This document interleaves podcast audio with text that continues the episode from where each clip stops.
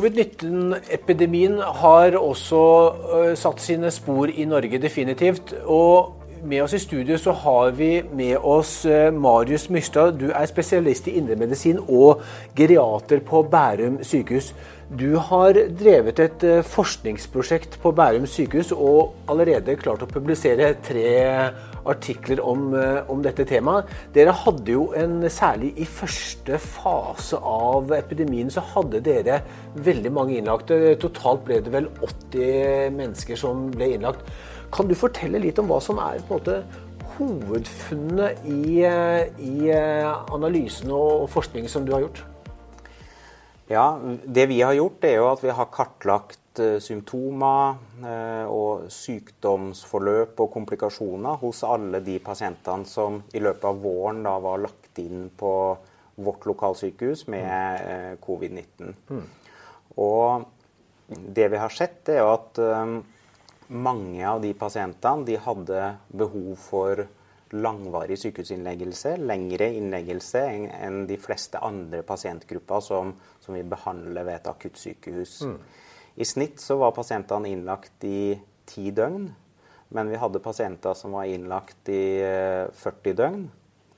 Og den viktigste årsaken til at de trengte så langvarig sykehusbehandling, det var det at mange hadde behov for langvarig oksygentilførsel. Mm. Så de lå rett og slett i respirator i svært lang tid?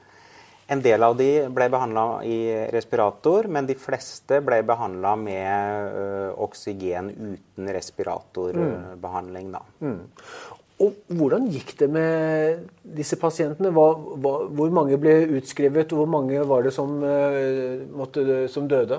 Ja, Ca. én av fire pasienter hadde et veldig mm. alvorlig forløp. Mm. Definert som at de enten døde under sykehusinnleggelsen mm. eller ble behandla på intensivavdeling. Mm.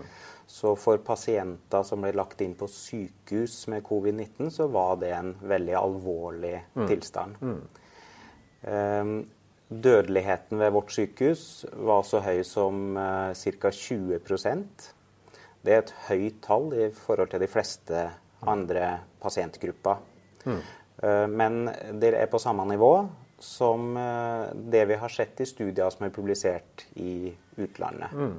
Og det hadde, eh, tror du, eh, som du indikerer, sammenheng med at, en, at det var en høy, høy alder på, på, de som var innlagt? Altså over 80, det var 80 pluss som var gjennomsnittet? En høy alder? Ja, de, de aller fleste som døde av mm. covid-19 ved Bærum sykehus, var eldre over mm. 80 år. Mm. Og, og, mange av de hadde jo også da eh, flere andre kroniske sykdommer og, og tilstander i eh, tillegg, som mm. nok gjorde at de var spesielt uh, utsatt når de ble ramma av en sånn akutt uh, lungesykdom. Mm. Som jeg var inne på i, i innledningen, så, så, var jo Bærum sykehus en av de sykehus som fikk flest pasienter i en tidlig fase av, eh, av, av denne epidemien.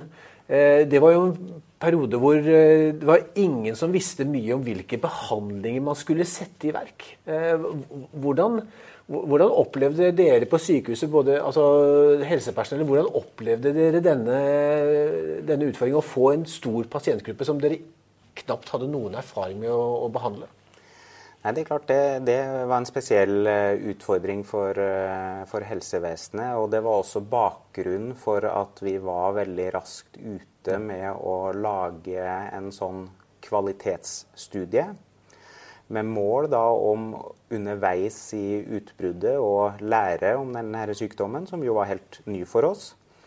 Eh, og å kartlegge hva slags behov for hjelp pasientene faktisk eh, hadde. Både for fortløpende å kunne eh, forbedre det behandlingstilbudet vi ga til pasientene, men også for å kunne frem, altså planlegge for eventuelt nye bølger av covid-19-pasienter innlagt på sykehus i, i fremtida. Så mm.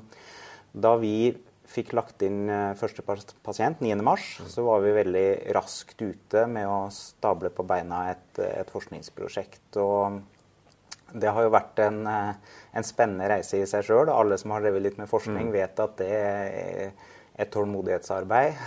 Det tar lang tid. å planlegge og få på plass godkjenninga godkjenninger osv. Men den gangen her gikk det fort. Mm. De var, de var eldre, høy gjennomsnittsalder på pasientene, men så dere også andre si, bakforliggende faktorer som altså, fedme, hjerte-kar-problematikk eller andre bakforliggende sykdomsting som lå her? Vi har jo hatt 80 pasienter, og det er nok et litt lite ja. antall til å si eh, noe sikkert om undergruppa av pasienter. Da. Men det med høy alder mm. Uh, sto frem som, som, en, uh, som, en, viktig risikofaktor for å få et spesielt uh, alvorlig, alvorlig, forløp. Mm. Og så har vi jo hørt etter hvert fra utenlandske studier hvor de har hatt veldig mange flere pasienter vi, enn det vi har hatt, at det, at det, er en del andre risikofaktorer som også påvirker uh, hvordan det går med pasientene. Noen av de du også var mm. inne på. Mm. Behandlingsmessig, eh, Remdesivir og en del andre legemidler, altså antiinflammatoriske legemidler, har jo vært eh, både forsket på og brukt litt eh, tilfeldig også i behandling. Hva, har, har, dere noen erfaring på bruk av legemidler i, i, i denne epidemien? Ja, vi har også brukt de legemidlene du nevner her, ja. men da i eh, i en studiesammenheng. Mm. Altså hvor vi, hvor vi, har vært med og inkludert pasienter i eh, internasjonale legemiddelstudier. Mm. Placebokontrollerte studier, rett og slett? Ja, som vi får mm. høre mer om etter hvert. Mm. blir spennende.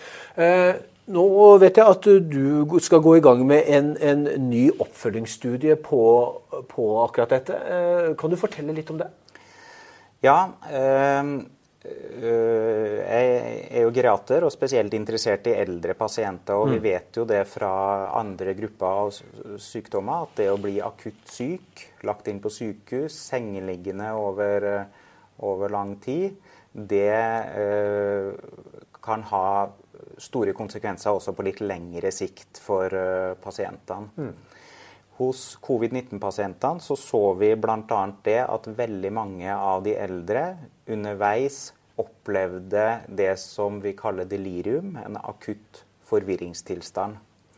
Og en av de tingene vi ønsker å se på, det er hvordan det har påvirka pasientene sin kognitiv funksjon på litt lengre sikt, ved å da undersøke de på nytt seks måneder etter sykehusinnleggelse.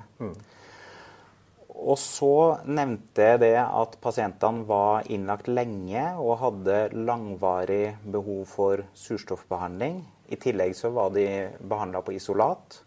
Og alle de tingene de har nok vært med å bidra til at pasientene i enda større grad enn andre, pasientgrupper har vært sengeliggende mm.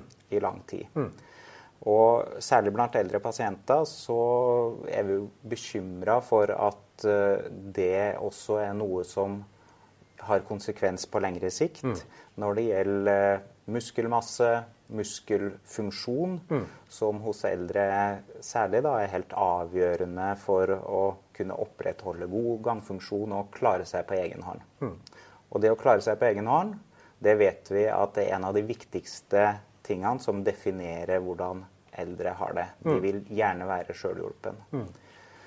Så nå skal vi kalle de inn, undersøke de med kognitiv testing og testing av fysisk funksjon, og se på hvorvidt de har klart å komme tilbake til eh, den funksjonsevnen, den selvstendigheten som de hadde før de ble akutt syke, eller om de fortsatt er prega eh, av det akutte sykdomsforløpet med, med redusert uh, både kognitiv og fysisk funksjon. Mm.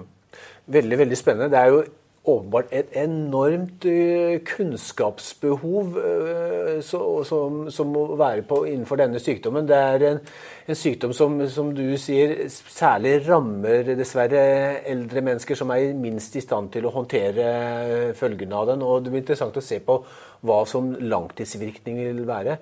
Eh, jeg skal i hvert fall love at vi skal følge opp eh, her fra HealthTalk sin side hva som eh, dere kommer til å trekke av viktige funn i, i denne studien. Jeg ønsker deg og dine kolleger lykke til i dette kjempeviktige arbeidet. Takk for det.